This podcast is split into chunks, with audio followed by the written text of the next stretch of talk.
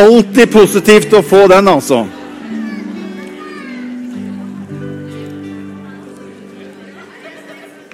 Den slår aldri feil. Du blir alltid oppmuntret av å få den, altså. Godt å se dere. Jesus lever. Det er ikke alle som har dratt på, eh, på vinterferie, så det er godt å se dere som eh, har tatt turen hit for å være med og dele fellesskap, prise Jesus, være i Guds nærhet og høre Guds ord. Jeg skal dele noe med dere som, eh, som ligger meg på hjertet i, i, i formiddag. Um, husk, husk, på meg. Vi, vi reiser til Bulgaria på, på, onsdag. Arne Mella, som er en av misjonærene våre i menigheten, og, og, jeg, vi skal ned til senteret vårt i eh, Nova det nye senteret vårt der nede. og Vi skal være der nede og være med å fortsette å trene pastorer og ledere der nede. og Det gleder vi oss veldig mye til. Senteret er godt i gang. Folket kommer inn, og ledere og pastorer i ja, det er vel over, det er litt over 30 sigøynermenigheter som vi har sagt at disse kan vi få være med og være med å trene og lede pastorer og ledere i de menighetene. Så det hjulet er ordentlig godt i gang. Så jeg gleder meg veldig til å komme ned sammen med Arne og være med å dele fellesskap med brødre og søstre der nede. Så husk på oss at eh, vi skal få lov til å få en, en fin tid der nede. Amen. Ta fram din iPad eller din bibel er det noen i det hele tatt som har med det vi hadde i gamle dager? Ja, se her, vet du. vet du det er jo litt populært igjen. Det, nå er det litt sånn vintage. Det er liksom inn igjen, det nå. Å ha med en god, gammel lærebibel. Det er jo kjempekult. Jeg, når jeg hørte på radioen i går, Nå er det jo, nå er jo ut og ta digitale bilder. Det er liksom, nei, pff, det er jo ikke, Nå er det analoge bilder som er inn. LP-plata er jo på full fart inn igjen. Gutta mine visste ikke hva LP-plate var engang. Så vi var hos min svoger, og de fikk se en LP-plate for første gang. Det er ikke så innmari lenge siden. Så når han, når, når svogeren min til og med snudde LP-en, og du kunne spille på andre sida, da var det bare Wow, kan du det?! Der var de, liksom! Så det er, det er, mye som skjer. Men hvis du, deg, hvis du har med deg din iPad, eller hva du har, så kan du slå opp med meg sammen med meg i Romerbrev kapittel 8. Jeg har, jeg har, lyst til å dele noe som er kalt for 'kalt av Gud'. Og jeg har lyst til å ta utgangspunktet i et litt sånn komplisert vers som Paulus skriver i, i Romerbrevet kapittel 8. Men jeg skal ta dere med, og vi skal få en, en, en fin gjennomgang av dette som jeg, som jeg har noe på hjertet som jeg ønsker å dele med dere. Fra vers 29 skal vi lese. Der sier Paulus For dem han har kjent på forhånd, dem har han også forutbestemt til å bli likedannet med sin sønns bilde, for at han skulle være den førstefødte blant mange søsken. Og dem som han forut har bestemt, dem har han også kalt. Og dem han har kalt, dem har han også rettferdiggjort. Og dem han har rettferdiggjort, dem har han også herliggjort. Hva skal vi da si til dette? Og så sier han, hvis Gud er for oss, hvem kan da være imot oss? Dette her er litt sånn med første øyekast, litt kompliserte vers. Som jeg har lyst til å dele noen ting med dere. Dette er Paulus på slutten av sin tid. Paulus har kommet til Rom. Ikke som en frimann, men han har kommet til Rom bundet på hender og på føtter. Han er lenket fast. Han blir passet nøye på. Og han har på en måte kommet endelig til Rom, som har vært Paulus egentlig sitt ønske lenge. Vet du, Paulus han var en sånn fyr at han var ikke en som du bare lot gå alene i gatene. For det var altfor farlig å la Paulus fly rundt omkring alene. I hvert fall på den tiden her. Så fordi at han kommer lenket til Rom, har sin årsak i at det hadde vært enorme opptøyer i Jerusalem der som han kom fra. Han kom fra Jerusalem, og så kom han nå til Rom. Og I Jerusalem så hadde han jo skapt enorme opptøyer. fordi at han hadde jo kommet til Jerusalem, som folk mente at du bør aldri reise til Jerusalem. Hvis du drar til Jerusalem, Paulus, så er du en død mann. Det kommer til å skape enorm oppstandelse hvis du drar ned dit. Paulus gjør det likevel. Han kommer til, til, til, Jerusalem, han møter Jakob, og Jakob får Paulus til å ta noen av disse nyfrelste hedningene, noen grekere, med seg til tempelet. For å gjøre en renselsesprosess som jødene gjorde i tempelet. Og Dette blir Paulus med på. Så han drar til tempelet, og det skaper opptøyer når denne mannen der begynner å nærme seg. Det blir sånne opptøyer i Jerusalem at de var redd for at jødene kommer til å drepe Paulus. De slo han, de sparket han, og de fikk akkurat, akkurat tak på en kommandant, en romersk kommandant som gikk inn med soldater og fikk reddet Paulus ut ifra mobben som var i ferd med å ta Paulus. For Paulus han hadde jo lært det at de nyfrelste hedningene de trengte ikke å ta imot og følge Moseloven på den, på den måten som jødene gjorde. Og de trengte heller ikke å omskjære seg som jødene. Så dette skapte en enorm bevegelse i folket. Og Paulus han er en finurlig fyr. Han er nesten død, han er nesten slått i hjel, og denne kommandanten får han liksom ut ifra mobben. Og tar han med mot borgen for å få han i sikkerhet. Og Paulus han er litt sånn han, han er sånn fyr han overlever akkurat. Og så får han samtidig en mulighet til å forkynne litt samtidig. Han er liksom, han, han, når du leser Paulus, er han, han er helt utrolig. Her er han nesten død. Kommandanten, den romerske, får han akkurat vekk fra mengden. og får han liksom, Det står at det var så mye mennesker som, som tetta seg rundt for å få tak på Paulus, at de måtte løfte Paulus opp over folkemengden og bære Paulus. står det. Så han kom seg opp denne trappa, og så sier Paulus til kommandanten du, er det ok at jeg, kan jeg få si litt, for her er det jo mye folk. Kan jeg få lov til å dele litt mens det er litt folk her? Og han kommandanten ja, det kan du vel sikkert. Så det står at Paulus han, han prøvde å liksom hysje folket som nettopp hadde prøvd å ta livet av ham, og folket blir stille. Så han får en anledning til å si noe til folket. Og Han begynner å preke for folket og han begynner å legge ut du, om alt. og det er et eller annet rart med Paulus, for når han begynner å si et eller annet, så virker det som at folket de, de, de, de åpner ørene så følger de med på det han sier. Så Paulus han legger jo alt inn her. og det står at Da kom han til et visst punkt, og da var det nok for jødene inn igjen. Og Da var det bare inn i borgen med Paulus for å få han i sikkerhet. Og det var så store opptøyer for å få tak i Paulus. Det står til og med at 40 av jødene hadde inngått en sammensvergelse. At de kom ikke til å spise eller drikke før de hadde tatt livet av Paulus. står det. Så denne mannen her, han var ønsket.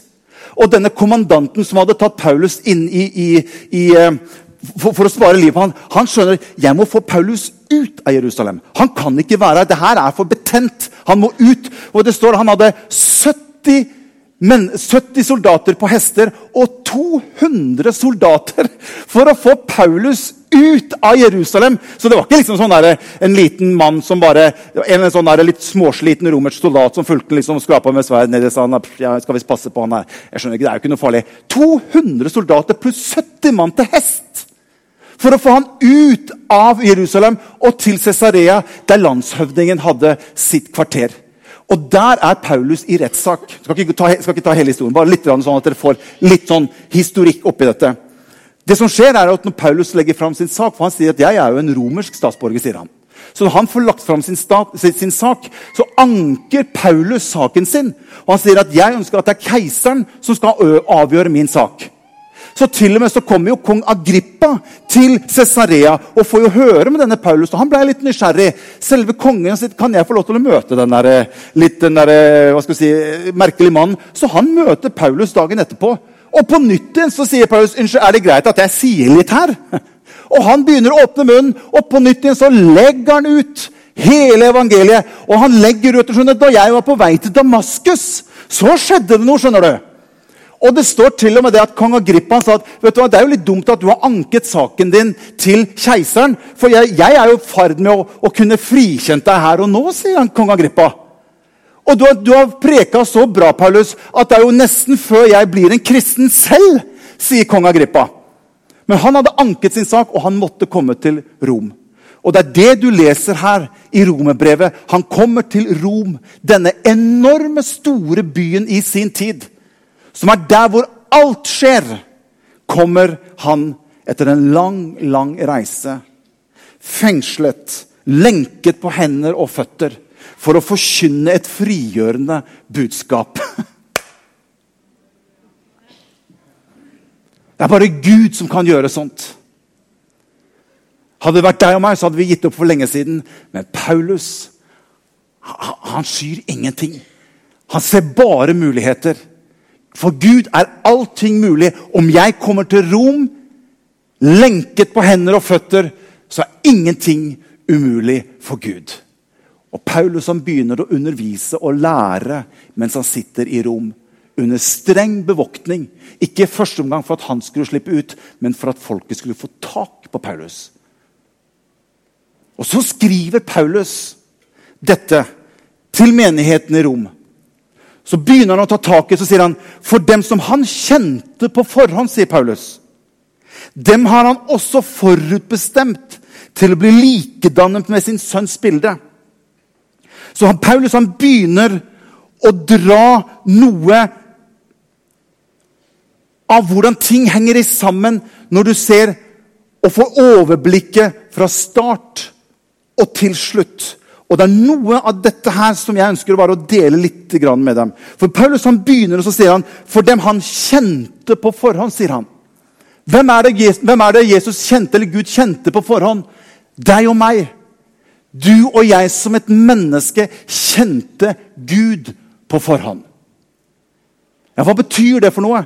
Jo, det betyr at jeg hadde et fellesskap med Gud lenge før jeg kom inn i denne tiden her. Gud kjente meg. Vi hadde et forhold, vi hadde en relasjon, før jeg ble født inn i denne tiden her. Jeg var født, jeg var kjent med Gud lenge før min mor. Ja, mener du at du er eldre enn moren din? Ja, Det spørs bare hvilken form du snakker om. Du skjønner, Det min mor ga meg, det var bare en kropp. Min, min, min, fødsel er bare et tegn på da jeg, som er fra evighet av, skapt av Gud, ønsket av Gud, kom inn i denne verden, inn i en fysisk kropp. Nå skal jeg, skal jeg, skal jeg rote litt opp i hjernebarken på deg, så skal du få følge litt med. Du skjønner, Min fødselsdag indikerer bare hvor mange år jeg har vært i denne kroppen, men ikke hvor lenge jeg har eksistert. Og det er det Paulus sier. Han kjente oss på forhånd. William Vi skal feire bursdagen til William. Er William her i dag? Han er på do. Han er 14. Men du skjønner det er bare kroppen til William som er 14 år. William han var ønsket og forutbestemt av Gud lenge før han kom inn. Så det mamma og pappa gjorde, det var å gi William en, en kropp her. Aha. Følger du med? Jeg skal rote litt oppi liksom sånn Jeg er ikke en fysisk kropp som prøver å være åndelig. Men jeg er et evighetsvesen, et åndsvesen, som prøver å gjøre meg vant med den kroppen som jeg har her, for en gitt tid her på jorden. Fikk du med deg den? Jeg er ikke en fysisk kropp som prøver å være åndelig, men jeg er fra evighet skapt av Gud som prøver å tilpasse meg. Har du lagt merke til Det eneste som eldes når vi er her nede, det er jo dette her.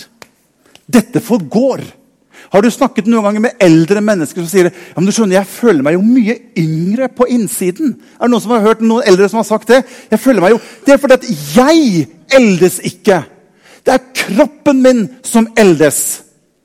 Og den skal jeg bare ha her for en tid.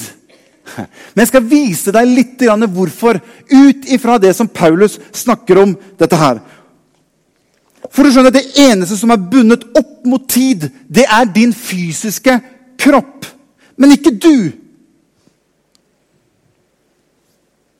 Selv om det fysiske forfaller, så er jeg lenge før min mor og min far la sine øyne på meg. Det er derfor det står i Jeremia kapittel 1 og vers 5 det står det Før jeg formet deg Dette er fantastisk. Før jeg formet deg, før jeg, Gud, formet deg i mors liv, kjente jeg deg. Før du ble født, helliget jeg deg. Og det er dette Paulus snakker om i det han deler. Jeg vet ikke om dere har sett den filmen. Jeg tror, jeg kom bare på en film, jeg tror det er Julia Roberts som spiller i en film. Hvor hun er kjæreste med en i filmen. Og så kommer de ut fra en bilulykke. vet ikke om dere har sett den, og så mister, Når hun våkner på sykehuset, mister hun all hukommelse om hvem han er. Jeg er jo fortvila, vet du. De var kjærester, og så er de ut for en ulykke, og så våkner hun, og så kjenner ikke hun han i det hele tatt. Og, og Hele filmen handler på en måte om hvordan han prøver å få hun til å huske noe av det de hadde før hun mistet hukommelsen sin. Og du skjønner, det er, det er et utrolig godt bilde på det som Paulus da litt senere Fordi han har forutkjent, har han også forutbestemt. Og de han har forutbestemt, har han også kalt. Nå begynner vi å nærme oss noe av det som jeg ønsker å dele med dere i formiddag. For skjønner, i, i, den filmen så synes jeg husker at når hun ligger på sykehuset, så plutselig så får hun en eller annen sånne tilbakeblikk. Hun, hun begynner å få noen flashback fra ting som har skjedd før, bare i et øyeblikk, i et nu. Og plutselig så begynner hun å Aha, har jeg, har jeg kjent han før? Det er noe her, tenker hun, som gjør at jeg ikke kan helt gi slipp på, på tanken at jeg har vært sammen med han før. Og du skjønner, det er selve sentrum i det når Gud kaller mennesker. Jeg hadde et fellesskap med Gud før jeg kom inn i denne kroppen. For jeg var forutbestemt av Gud. Jeg hadde et fellesskap med Han. Men selv om ikke jeg husker det her og nå, så er ikke det dermed sant er ikke det dermed sagt at jeg ikke har hatt et fellesskap med Gud før. Men når jeg begynte å bli kalt av Gud, så var det et eller annet i meg som begynte å respondere på en eller annen måte. For Jeg begynte å plutselig å høre at han kalte meg Morten.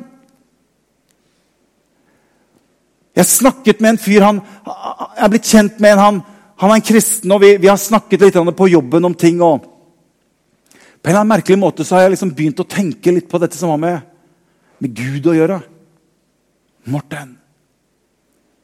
Jeg har jo ikke tenkt så veldig mye på disse tingene ellers, men, men jeg, i det siste så har det bare det har bare ikke sluppet taket på meg. Det er et eller annet som gjør bare at jeg begynner bare mer å tenke på Gud. Martin. Det er et kall fra Gud som gjør at det indre i mennesker som Gud har lagt der For han forutkjente meg, og han forutbestemte meg til å bli kalt av han. Og det er det kallet som gjør For Jesus sier at 'mine får hører min røst'. Det er et eller annet i kallet, det er et eller annet når han kaller på mennesker, som gjør at det som var fellesskapet med meg og Gud tidligere, begynner på nytt. Jeg begynner å få flashbacks i forhold til at har, det, det, er et eller annet på innsiden av meg. Det treffer meg på en måte som ikke noe annet treffer meg. Og det er noe her som gjør at jeg, jeg, jeg blir urolig på innsiden. Morten. Han kaller meg ved navn. Han vet hvem jeg er. Det er ikke et unisont kall, men han kaller deg med navn. Og Det er dette Paulus prøver å forklare. For han sier at han som forut visste hvem vi var Jeg må bare ta en liten sånn runde på dette. her. For skjønner det er, det er noe av dette her som, som diskuteres litt i dag. Som, ikke bare i dag, som har blitt diskutert opp igjennom, som kalles for predestinasjonslæren.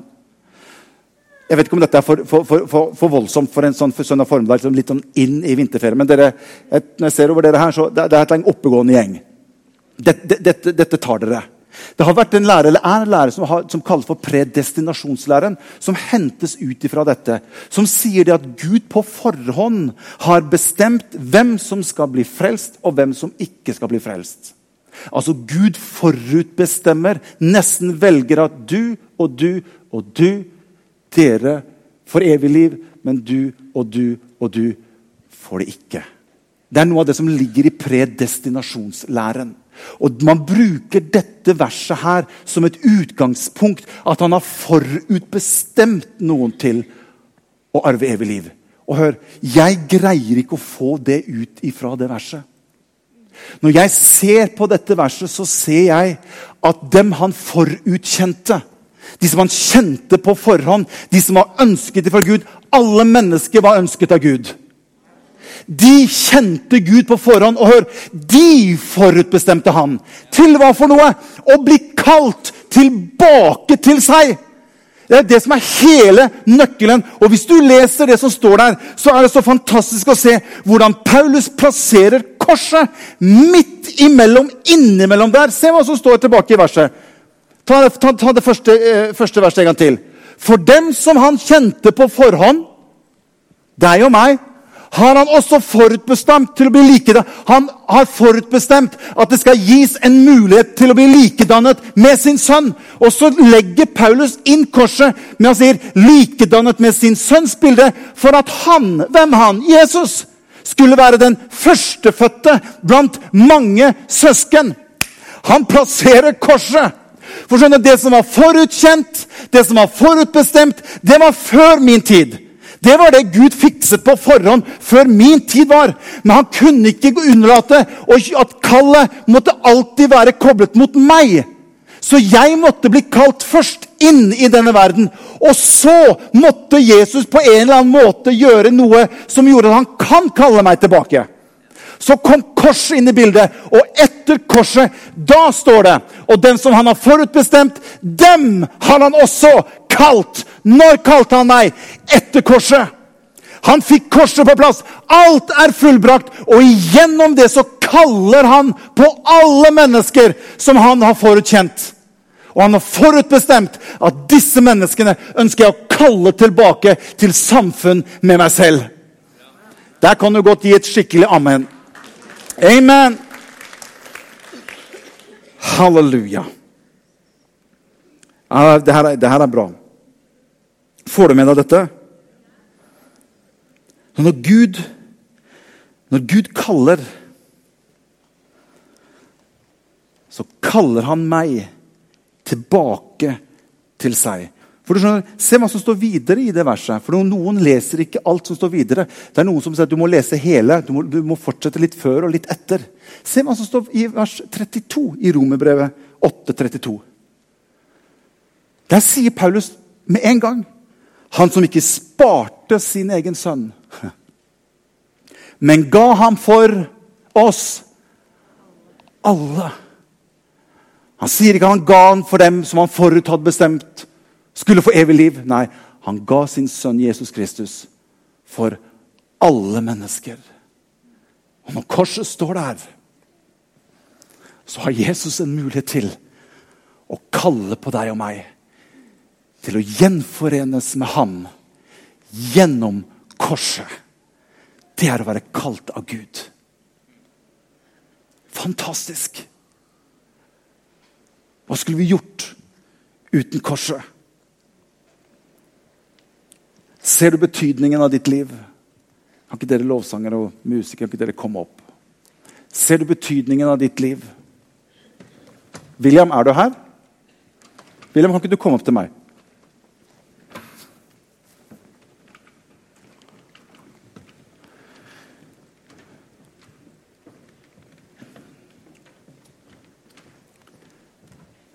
Du ser at det var bare William som kom. Det var ingen andre. Hvorfor det? William visste ikke at jeg kom til å rope på han før gudstjenesten i dag. Jeg visste det. Jeg hadde forutbestemt å påkalle William.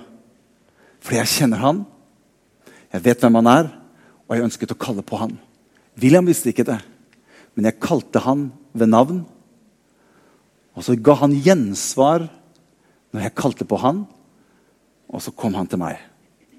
Og så, og så, har du kalt meg hjem til deg etterpå i dag til masse godis. William har. Kan vi ikke gi han en, en, en, en eh? Ja, det er veldig bra. Takk skal du ha, William. Ser du? Han ga gjensvar på noe jeg hadde forutbestemt. Og hør, Det er vårt oppdrag, dere, å være den røst som skal være med å kalle på mennesker.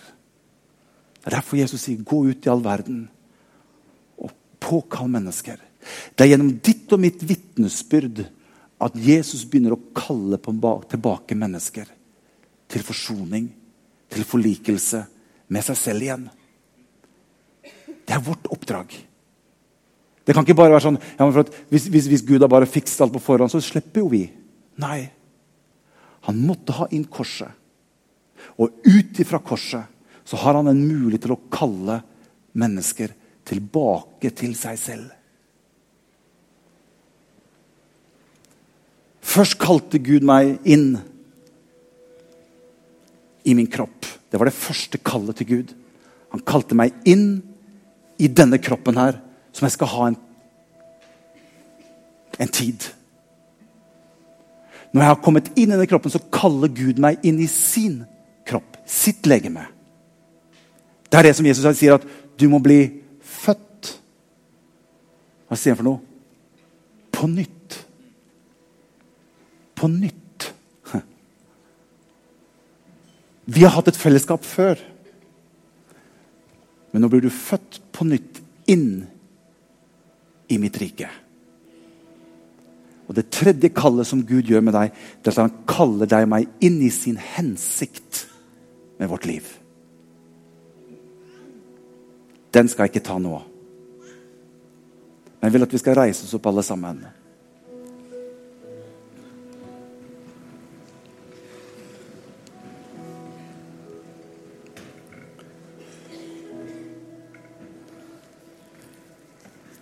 Jeg tror at mennesker søker noe for å fylle dette rommet på innsiden som bare noe Gud kan fylle hos mennesker.